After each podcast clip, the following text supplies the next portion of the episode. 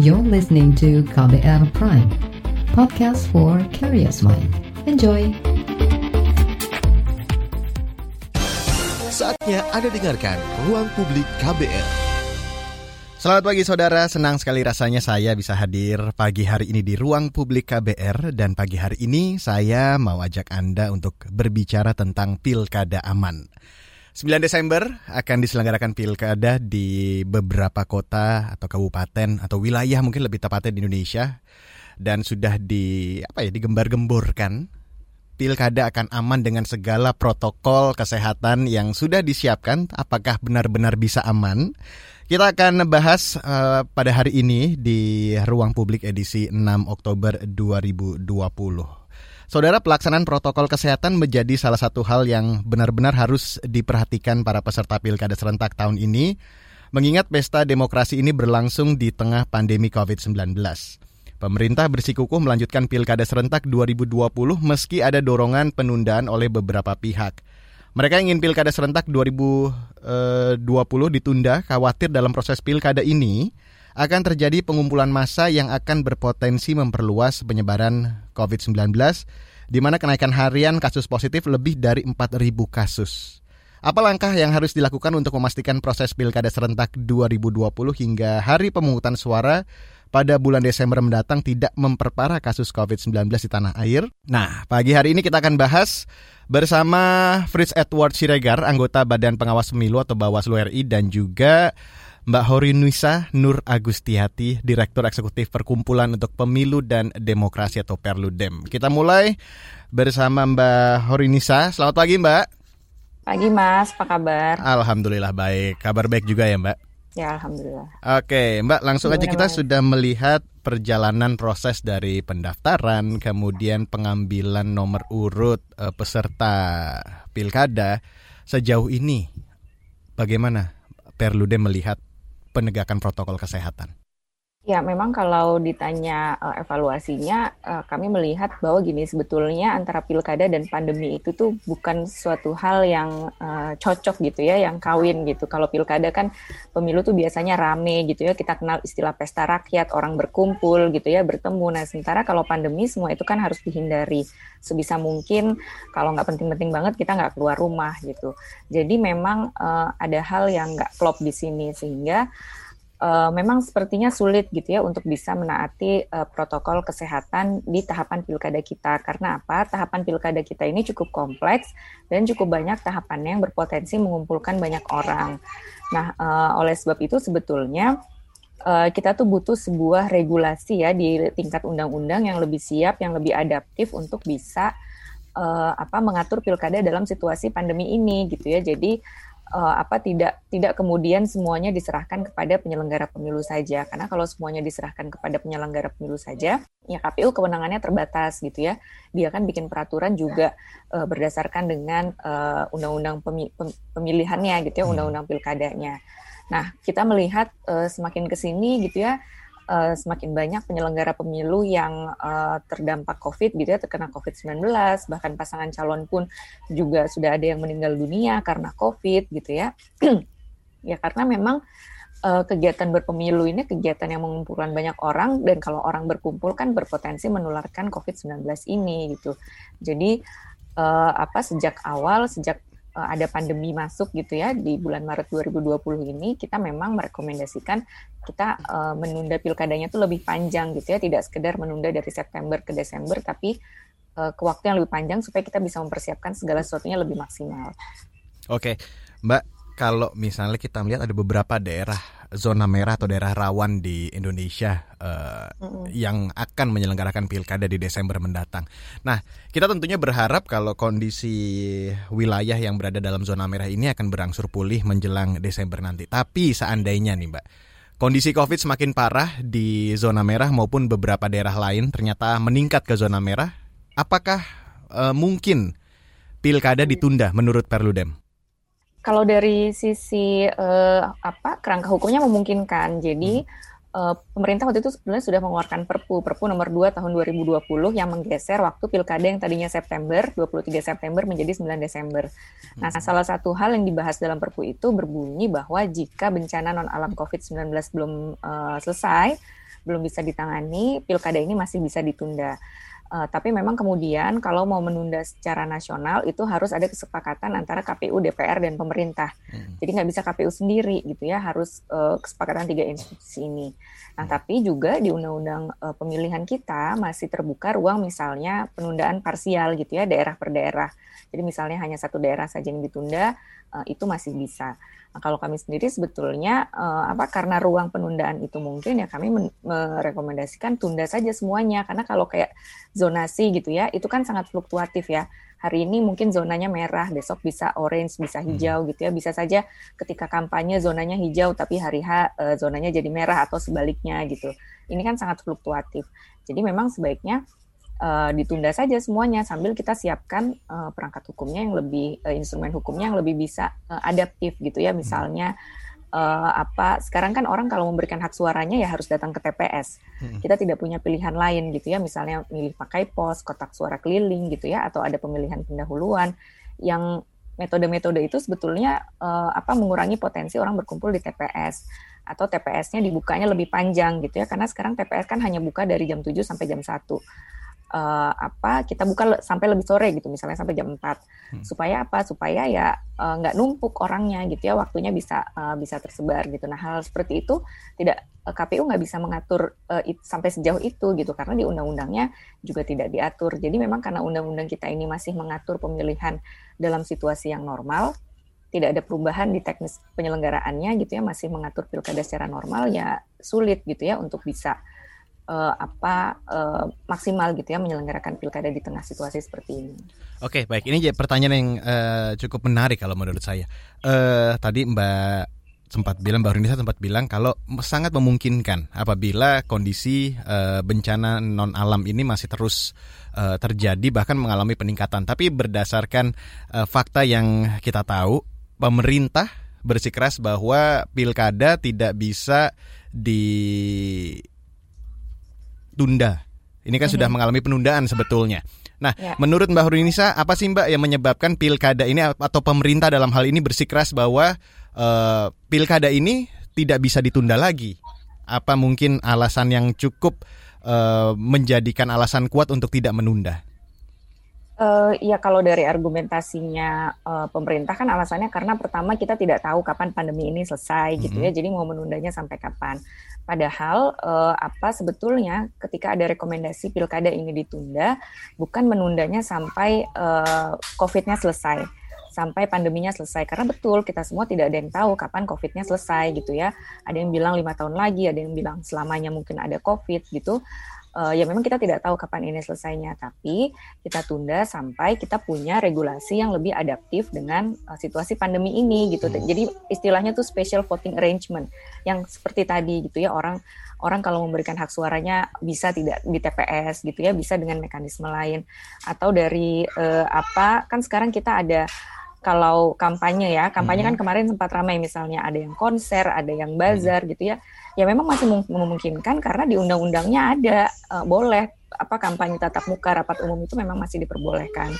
Kemudian kita tidak punya uh, mekanisme sanksi. Misalnya kalau ada pelanggar protokol kesehatan, kan sekarang yang bisa dilakukan hanya menegur atau membubarkan aktivitas kampanyenya yang uh, apa mengumpulkan banyak orang ini gitu.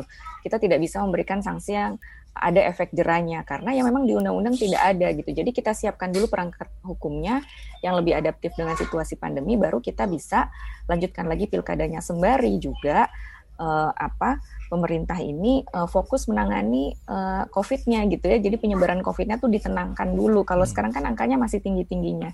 Sehari bisa sampai 4.000 kasus gitu ya. Tentu pilkada tadi yang berpotensi mengumpulkan banyak orang ya bisa menjadi sumber uh, penyebaran baru. Mbak, uh, saya sempat uh, mendengar, mungkin Mbak juga sempat mendengar hmm. ada statement bahwa salah satu alasan bahwa kenapa pilkada tidak bisa ditunda karena uh, ada yang pernah menguc uh, memberikan statement bahwa dalam kondisi krisis seperti sekarang tidak baik jika suatu daerah dipimpin oleh PLT. Apakah ini menjadi alasan yang cukup kuat, Mbak, untuk tidak menunda pilkada? Ya, e, sebetulnya e, tidak juga kalau menurut saya ya, hmm. karena memang sebetulnya e, apa penjabat gitu ya, mm -hmm. istilahnya penjabat atau PLT tadi kan sebetulnya adalah mekanisme yang memang disiapkan kalau dalam situasi-situasi seperti ini gitu ya, tidak ada pejabat definitif. Hmm. Kalau terkait uh, wewenangnya, ya kan itu juga bisa diatur sebetulnya ketika nanti pemerintah mengeluarkan perpu misalnya ya, perpu tadi terkait teknis penyelenggaraan pilkada, ya bisa menambah uh, wewenang dari uh, penjabat itu gitu. Dan sebetulnya uh, apa kalau misalnya ya kita menunda uh, pilkada ini sampai Juni misalnya 2021 uh, hampir 207 daerah itu masa jabatan kepala daerahnya habis di bulan Februari tahun 2021. Jadi ketika Pilkada 9 Desember nanti dilantiknya masih Februari 2021 gitu ya karena masa jabatannya habis di sana.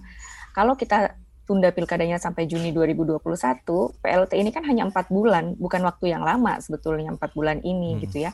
Dan mencari orang-orang yang bisa uh, apa menjadi pejabat ini juga bukan suatu hal yang sulit kalau menurut saya ya. Uh, misalnya bisa mengangkat sekdanya gitu dan uh, apa terkait dengan mengisi uh, apa penjabat dengan jumlah yang banyak menurut saya ini sudah suatu hal yang sudah dipikirkan oleh pembuat undang-undang. Karena di undang-undang pemilihan uh, disebutkan hal itu. Karena setelah 2020 ini kita baru akan ada pilkada lagi di tahun 2024. Jadi kemarin daerah-daerah yang pilkadanya tahun 2017 dan 2018 yang masa jabatannya habis di tahun 2022 dan 2023 itu nanti kemudian akan diisi oleh penjabat dan jumlah daerahnya banyak lebih dari 200 juga. Jadi sebetulnya kalau ditanya kalau ada statement oh nanti kita sulit cari orangnya itu kan sesuatu hal yang sudah dipikirkan sebetulnya hmm. oleh pembuat undang-undang. Jadi bukan suatu hal yang kemudian menghambat atau menjadikan tata kelola pemerintahan daerah menjadi tidak maksimal kalau nanti diisi oleh PLT. Oke. Baik, tadi Mbak Runisa sempat uh, juga uh, mengeluarkan statement bahwa proses dalam pilkada yang uh, mem, uh, tidak bisa menghindari adanya konsen segala macam karena memang ada undang-undang yang uh, memperbolehkan kampanye tatap muka. Nah, dalam hal ini apakah Perludem sudah melihat ada calon kepala daerah yang cukup kreatif dalam menyikapi pelaksanaan pilkada ini dalam hal kampanye mungkin di tengah pandemi?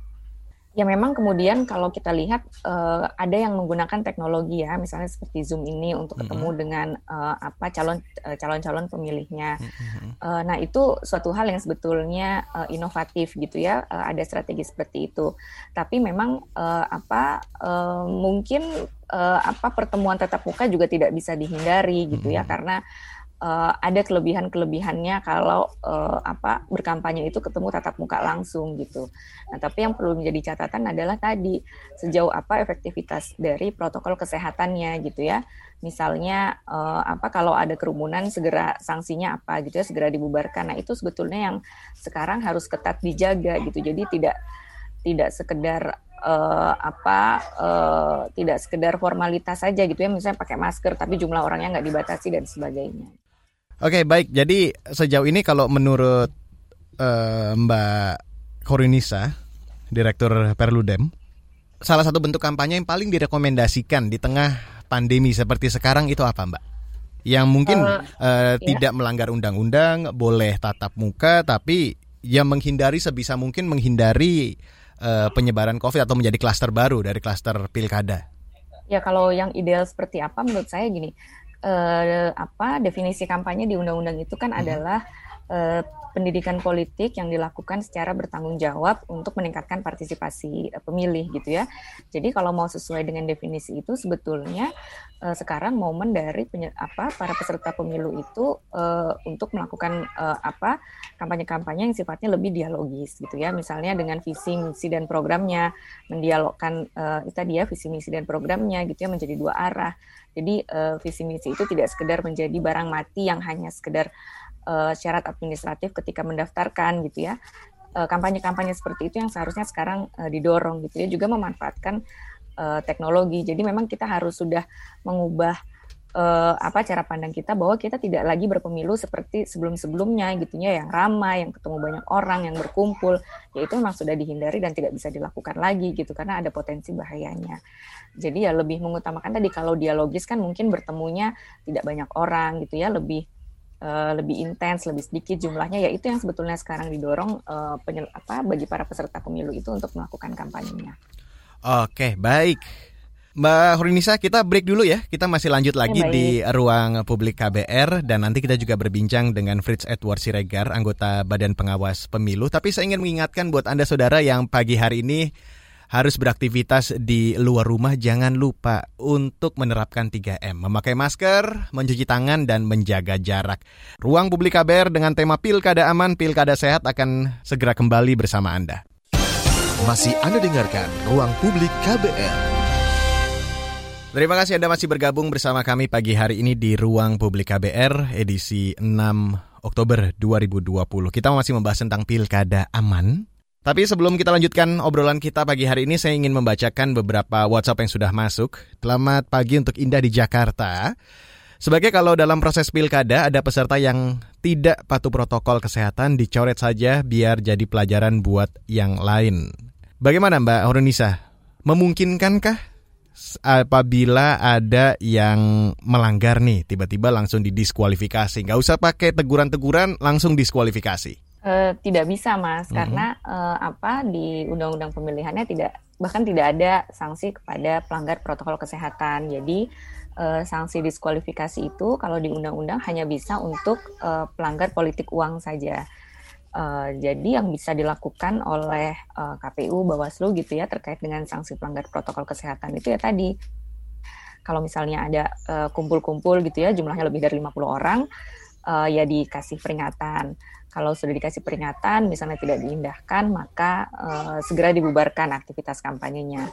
Jadi ya memang tidak bisa uh, ada sanksi yang memberikan efek jerah karena tadi yang seperti saya sampaikan sebelumnya undang-undang pemilihan kita itu masih mengatur tata cara berpilkada dalam situasi yang normal, bukan hmm. situasi pandemi gitu. Jadi uh, apa ketika ada uh, apa ketika ada aktivitas yang berkerumun gitu ya, uh, ya sulit juga kalau hanya mengandar, mengandalkan penyelenggara pemilu untuk bisa segera membubarkan karena membubarkan masa kan perlu ada misalnya koordinasi dengan kepolisian atau satpol pp gitu ya.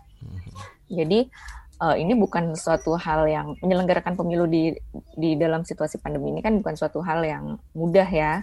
Jadi uh, secara uh, perangkat hukum sebetulnya juga harus uh, apa mengakomodir itu sebetulnya.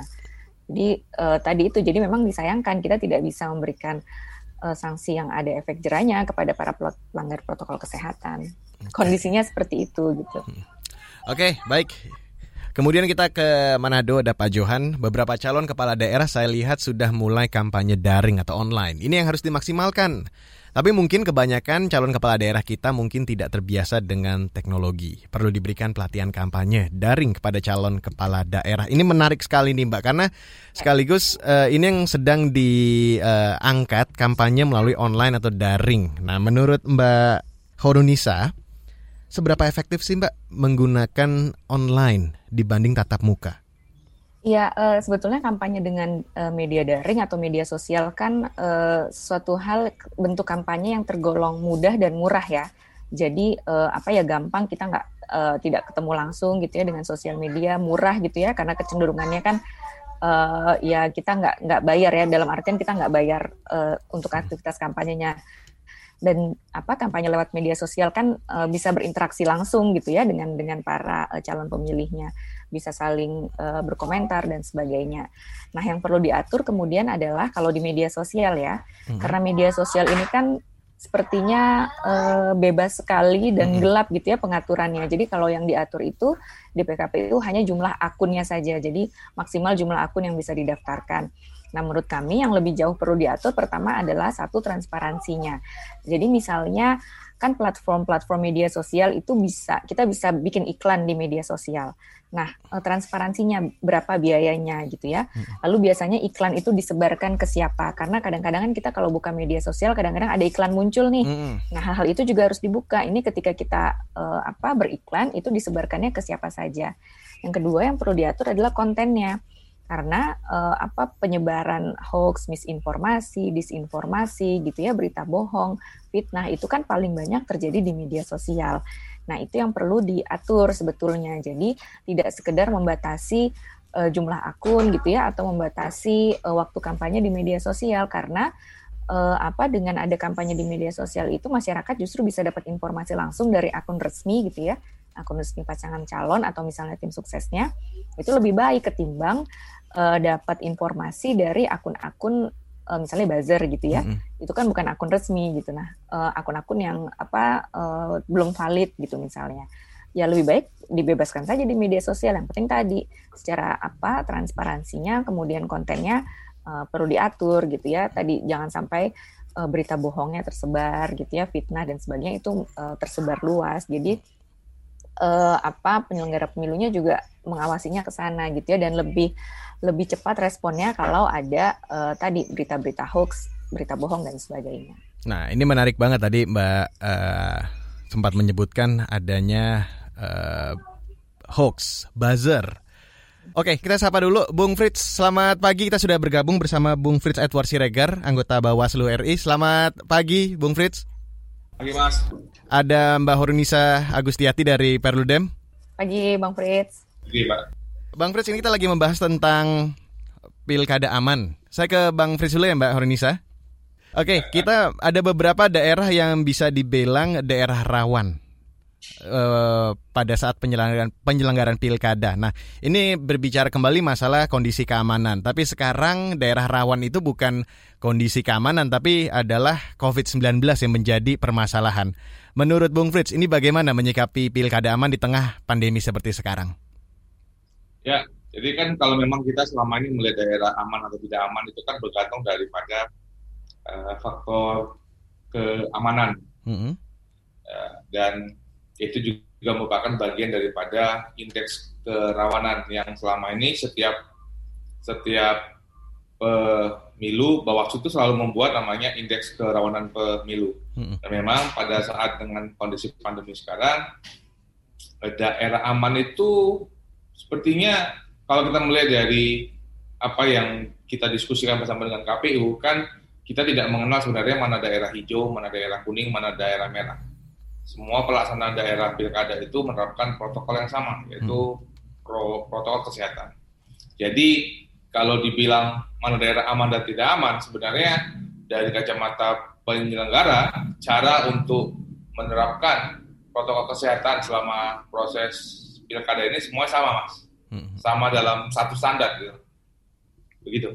Nah kalau kemudian berbicara kembali tentang daerah rawan, pasti kan ada mungkin standar-standar ya, atau mungkin apa yang menjadikan pertimbang, pertimbangan Bawaslu untuk menetapkan uh, provinsi ini mungkin bisa dibilang paling rawan. Kan kita sama-sama tahu walaupun tadi Bang Fritz sudah menyebutkan kalau sebetulnya nggak ada istilah daerah uh, zona merah, oranye, hijau, kuning dan segala macam, tapi pasti kan ada satu daerah yang bisa ditetapkan Kayak misalnya contoh, kota Jakarta ini disebut-sebutkan sebagai zona merah atau penambahan jumlah kasus positif tertinggi setiap harinya sampai dengan kemarin.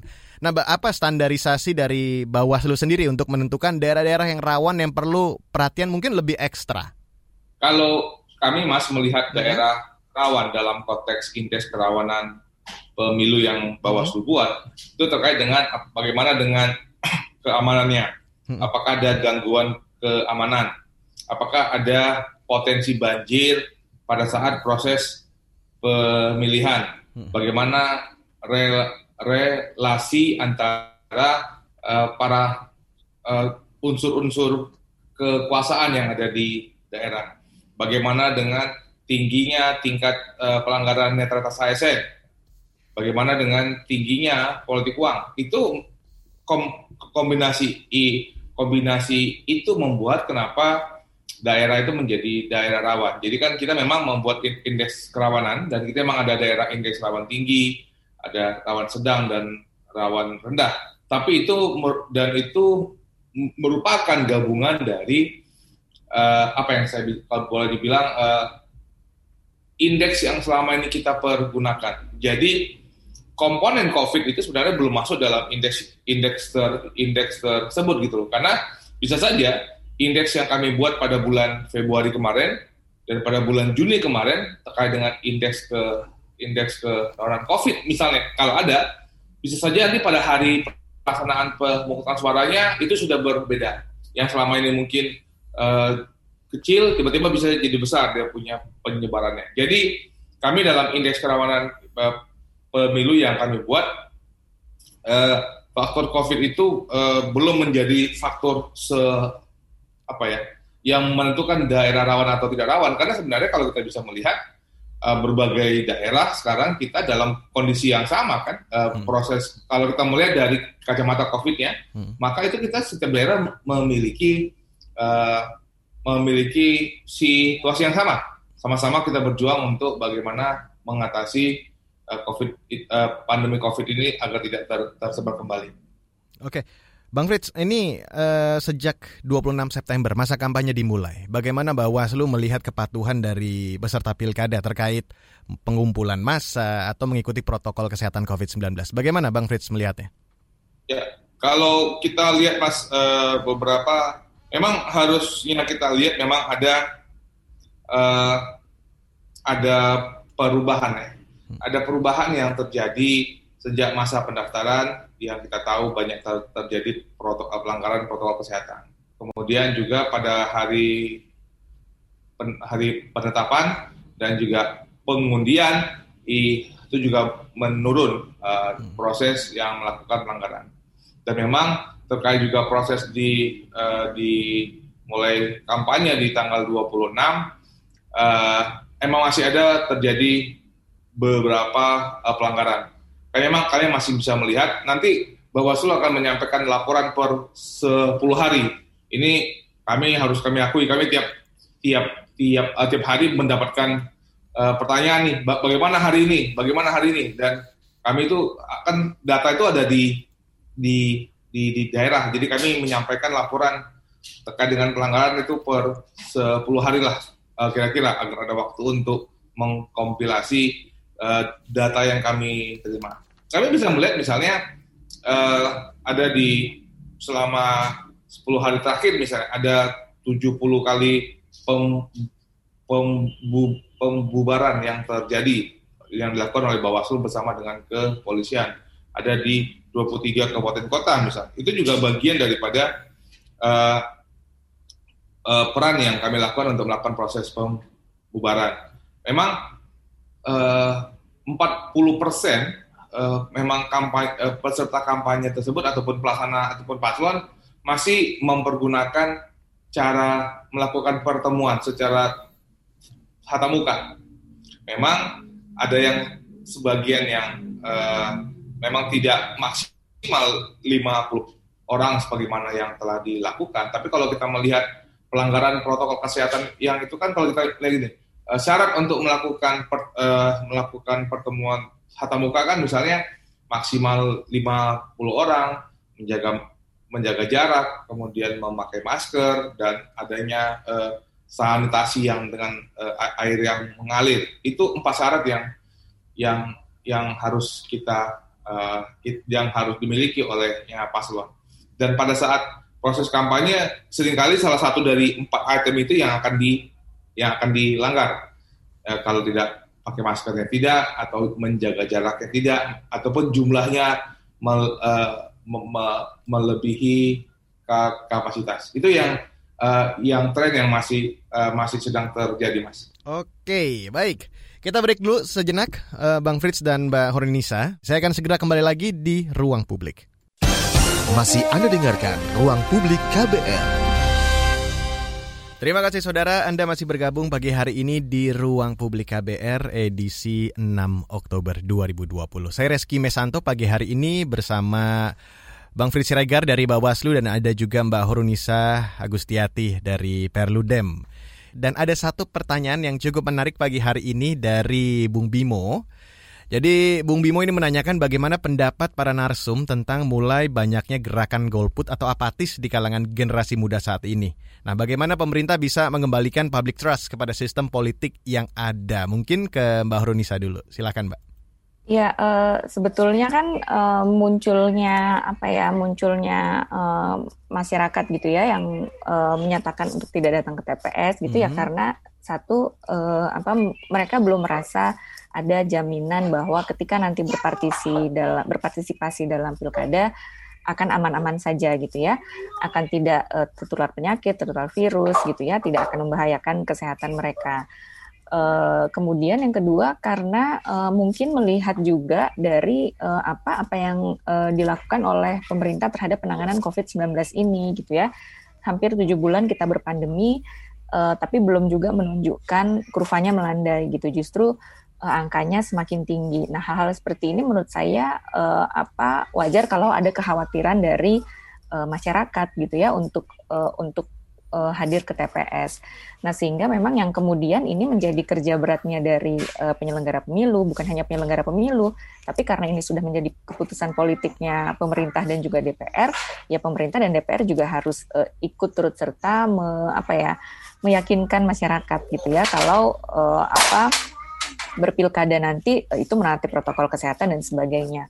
Sepanjang uh, apa selama misalnya kita masih melihat ada pasangan calon yang berkampanye dengan uh, melanggar protokol kesehatan misalnya atau angka COVID-nya semakin tinggi ya bisa bisa berpengaruh pada partisipasi masyarakat di pilkada nanti gitu. Sementara kalau saya tidak salah targetnya dari eh, KPU untuk tingkat partisipasi ini kan 75 persen. Ini angkanya yang tinggi sekali gitu ya untuk partisipasi dalam sebuah pemilu uh, apa jangan sampai targetnya ini justru jauh sekali dari target nanti uh, apa ketika hari H uh, ininya jauh sekali dari target gitu mas. Oke.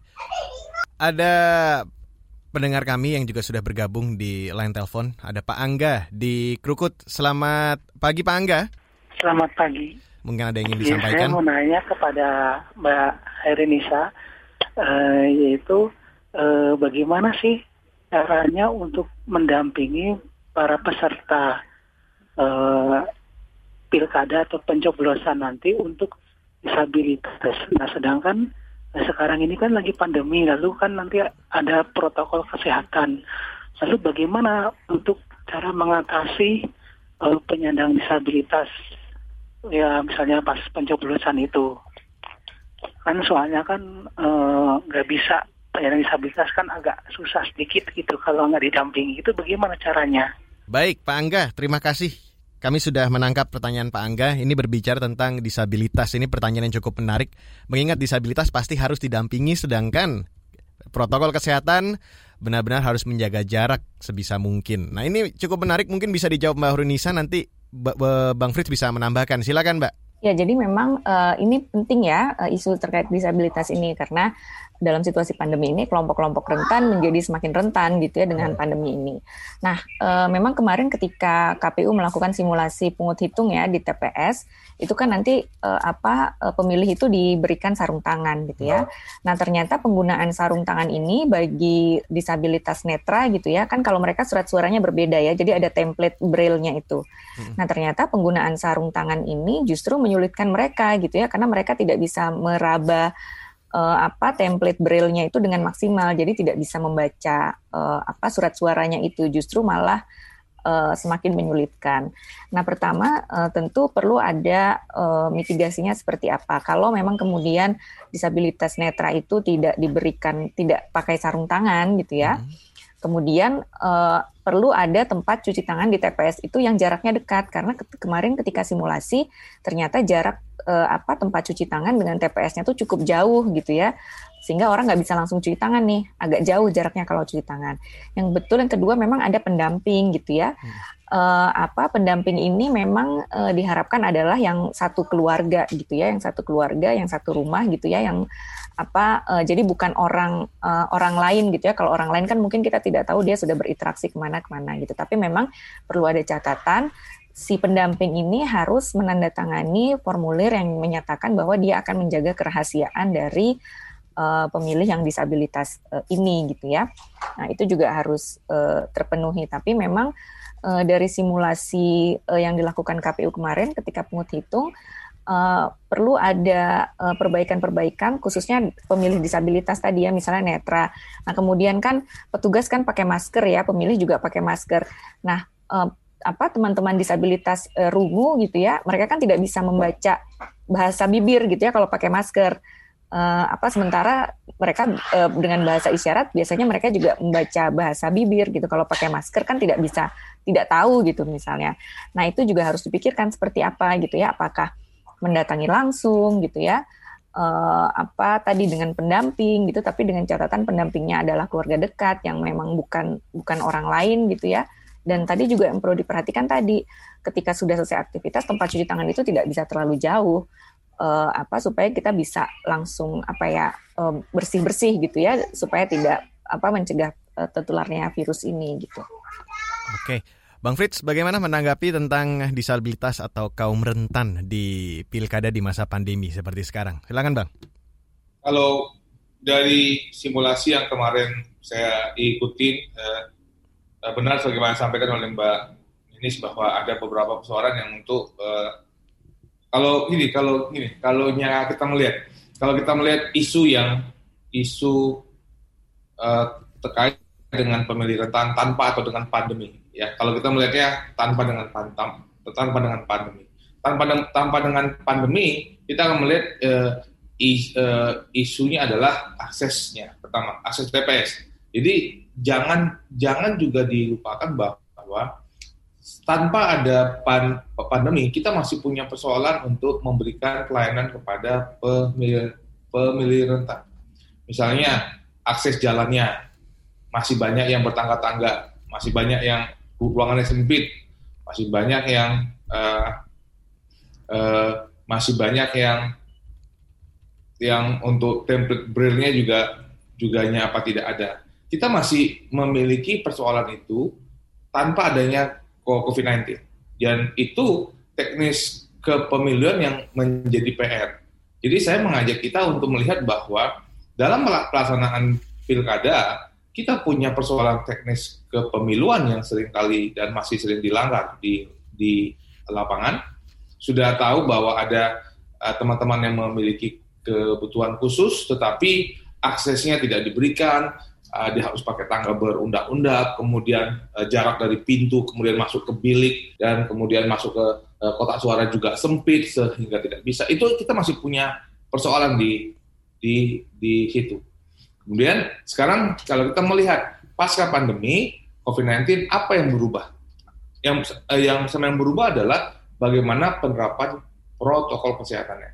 Saya berasumsi seandainya seluruh persoalan akses itu sudah beres, karena kita masih punya persoalan akses uh, uh, akses pendampingan, maka yang ada di dalam TPS maka yang menjadi PR kita adalah bagaimana penerapan protokol kesehatannya.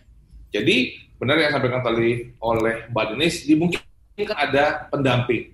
Dan pendamping itu kan juga sama-sama dengan uh, teman-teman kita yang memiliki uh, sebagai pemilih rentan dan mereka bisa di bisa didampingi dengan tetap menerapkan protokol kesehatan untuk uh, dalam melaksanakan hak suaranya. Begitu Mas. Oke baik, terima kasih Bang Fritz. Kita sapa dulu pendengar kami, ada Pak Basuki Rahman di Banjarmasin. Selamat pagi waktu Indonesia bagian Barat, Pak Basuki Rahman. Selamat pagi, kalau di Banjarmasin waktu Indonesia bagian tengah. Sudah siang di, ya Pak? Ya sudah siang nih. Silakan Pak, pertanyaannya Pak. Uh, begini, uh, Assalamualaikum uh, Bapak narasumber dan kepada Ibu narasumber yang saya hormati di kesempatan pagi hari ini di edisi Selasa ya, uh, eh di edisi Rabu Selasa Pak, benar Pak? Selasa, uh, Selasa ya. Uh, Selasa hari ini uh, berdepatan dengan tanggal 6 ya Pak ya. Hmm. Nah, nah ini Pak, uh, kalau uh, saya setuju dengan ada yang pertanyaan dari narasum yang pertanyaan yang sudah disimak ditanya sama teman-teman tadi. Itu kan kalau menurut saya uh, khususnya kan bagi uh, para bagi uh, yang stabilitas itu itu kan misalnya Pak uh, itu harus didampingi uh, itu kalau nggak didampingi Pak uh, gimana? Nanti dia mau mencoblos mau memilih kalau tidak didampingi kan itu kan bukan orang biasa Pak. Nah yang orang disabilitas itu Pak. Nah, dan saya mau nanya lagi Pak satu lagi Pak. Eh, begini apakah ini uh, ada yang khusus uh, disabilitas ini Pak? Uh, mencoblosnya Pak gitu. Kayak misalnya orang tunanetra gitu Pak. Tapi kan sebagian ada dari Banjarmasin ini sebagian uh, masih nggak ada gitu sebagian ada sebagian nggak ada gitu yang khusus orang tunanetra ini Pak nah.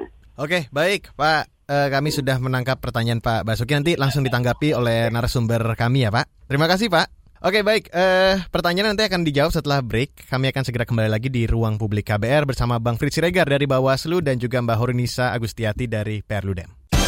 Masih Anda dengarkan Ruang Publik KBR. Masih bersama kami di Ruang Publik KBR edisi 6 Oktober 2020.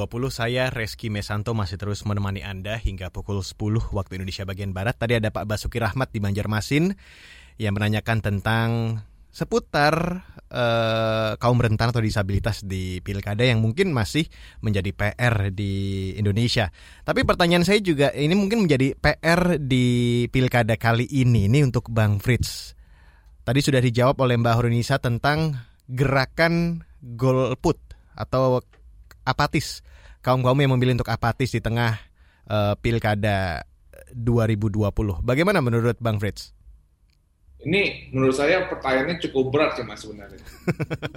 Karena apa golput ini kan banyak banyaknya faktor. Pertama, golput bisa karena orang nggak suka sama paslonnya, mm -hmm.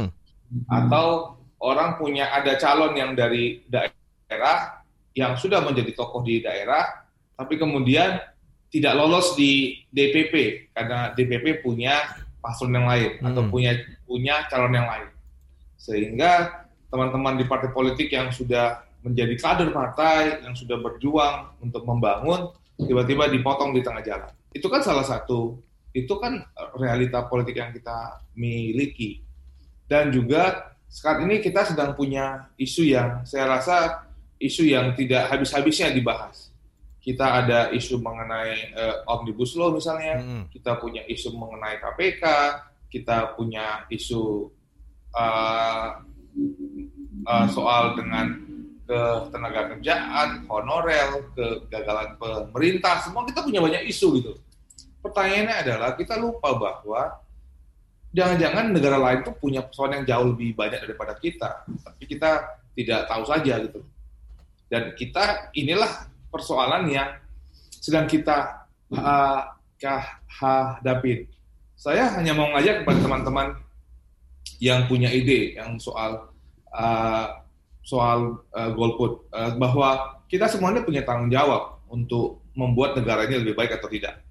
Itu tanggung jawab itu ada ada di tangan kita. Dan kalau kita kita memiliki kesempatan untuk membuat negara lebih baik ya, mari kita pergunakan gitu. Dan uh, saya rasa setiap pemerintahan itu punya persoalan masing-masing. Setiap masa pemerintahan punya masa punya punya do and don'ts-nya, punya kegagalan dan keberhasilannya masing-masing. Dan mari kita sebagai bagian dari anak bangsa untuk mendukung proses pembangunan yang sedang terjadi. Pilihan-pilihan sulit yang harus kita ambil. Ini kan, Mas, uh, hmm. mengambil sebuah kebijakan kan dalam kondisi pandemi ini kan bukan seperti memilih hitam dan putih gitu. Tapi banyak hal yang membuat sebuah keputusan harus diambil. Dan salah satu keputusan tersulit itu dan ini juga bagi saya sebagai seorang pen, uh, sebagai seorang penyelenggara tetap melaksanakan kepatuhannya kita sudah sepakati untuk melaksanakan uh, pilkada di 2020 dan uh, tanggung jawab ini kan bukan sekedar yang kami saja KPU dan Bawaslu saja coba tapi coba bayangkan dengan resiko yang juga harus di, harus dihadapin oleh puluhan ribu puluhan ribu panwas yang ada di lapangan, panwas kecamatan, pengawas TPS, pengawas kelurahan desa, uh, panitia kecamatan, panitia desa, KPPS, puluhan ribu yang juga terlibat di dalam proses dalam dalam proses pelaksanaan. Jadi saya melihat bahwa uh, saya mengajak untuk tidak golput sebenarnya, uh, uh, meskipun memang faktor untuk membuat golput itu banyak mas. Kalau kita mencari alasan, kita mencari mencari mencari uh, alasan kenapa harus golput, saya yakin kita punya banyak alasan. Tapi kita juga punya banyak alasan untuk tidak golput. Oke, Bang Fritz singkat saja. Ini mungkin ada gerakan saya sempat uh, ada dengar juga ada gerakan golput. Kenapa alasannya? Jadi alasannya karena khawatir tentang uh, keselamatan atau kesehatan lah bisa dibilang di tengah pandemi seperti sekarang. Bagaimana menurut tanggapan Bang Fritz golput karena uh, khawatir tentang protokol kesehatan? Singkat saja Bang Fritz. Pertanyaan adalah apakah kita menerapkan protokol kesehatan saat kita makan di restoran? Apakah kita men, apakah kita menerapkan uh, protokol kesehatan saat ketemu dengan keluarga, saat kita berbelanja, saat kita pergi berrekreasi, apa kita menerapkan protokol kesehatan atau tidak? Kalau kita menerapkan protokol kesehatan pada saat kita melakukan hal-hal seperti itu, maka pada saat teman-teman berada di dalam ruang TPS, teman-teman juga melaksanakan protokol kesehatan. Jadi harus bisa melihat bahwa melaksanakan pergi ke TPS bukan mengajak kita untuk melakukan mengajak ke suatu tempat yang antah berantah yang uh, tidak dilengkapi dengan safeguard dan dan dan safeguard. Jangan-jangan jangan-jangan uh, kita di tempat lain kita tidak menerapkan protokol kesehatan. Kan kuncinya adalah bagaimana kita bisa menerapkan protokol kesehatan dalam kehidupan kita sehari-hari. Dan habis itu kita punya kegiatan di TPS pada tanggal 9 eh, September. Mungkin sejam berada di situ mungkin 30 menit di situ. Mungkin jangan-jangan cuma 4 menit kalau misalnya dia punya TPS-nya kosong. Nah, tapi mungkin 30 menit kalau kalau misal harus me, harus harusnya menunggu. Mm, baik. Jadi, oke, Bang Fris. Jadi, lah yang pada intinya ketika kita bisa menerapkan protokol kesehatan di mana pun, insya Allah semuanya akan aman gitu ya, Bang Fritz ya. Ya. Oke, ini pertanyaan yang sama juga untuk Mbak Runisa. Mungkin sama harapannya Mbak Runisa di Pilkada 9 Desember mendatang dan juga mungkin bisa memberi tanggapan sedikit tentang adanya orang golput karena protokol kesehatan. Satu menit Mbak, silakan ya uh, ya kita berada di suatu di situasi ini kan memang tidak mudah ya. ya ini yang kita nggak pernah bayangkan sebelumnya gitu. Um, jadi wajar kalau ada ketakutan-ketakutan itu gitu ya. Kita juga harus misalnya menghargai mereka-mereka yang mungkin selama ini nggak pernah ke mana-mana di rumah hmm. terus gitu ya. Lalu kemudian ketika pilkada kelihat rame-rame kan uh, apa ya mereka sudah berupaya untuk tidak uh, apa uh, menyebar ikut menyebarkan virus ini tapi kemudian ada apa aktivitas kampanye melanggar protokol kesehatan tentu juga eh, hal-hal uh, seperti itu bisa uh, dipahami juga kalau ada kekhawatiran. Nah, sehingga sekarang memang pekerjaannya tidak mudah bagi penyelenggara pemilu, tapi saya mau tekankan ini bukan hanya kerjanya penyelenggara pemilu saja gitu ya, karena ini sudah menjadi pilihan politiknya pemerintah dan DPR, sehingga pemerintah dan DPR juga harus uh, apa meyakinkan masyarakat uh, apa terkait bahwa uh, apa uh, ini pilkadanya uh, apa protokol kesehatan itu tidak dilanggar dan sebagainya. Kita juga tidak mengharapkan pemilu ini hanya sekedar rutinitas gitu ya, harus hmm. sehat. Selain demokrasinya sehat, penyelenggara pemilih dan peserta pemilihnya juga harus sehat. Oke, baik. Terima kasih Mbak Runisa Gustiati dari Perludem dan juga Bang Fritz Regar dari anggota anggota Bawaslu. Ya baiklah saudara, demikian perbincangan kita pagi hari ini di ruang publik KBR tentang pilkada aman. Mudah-mudahan pilkada serentak nanti bisa benar-benar aman dan sehat. Saya Reski Mesanto, saya pamit, salam. Baru saja Anda dengarkan Ruang Publik KBR. KBR Prime, cara asik mendengar berita. KBR Prime, podcast for curious mind.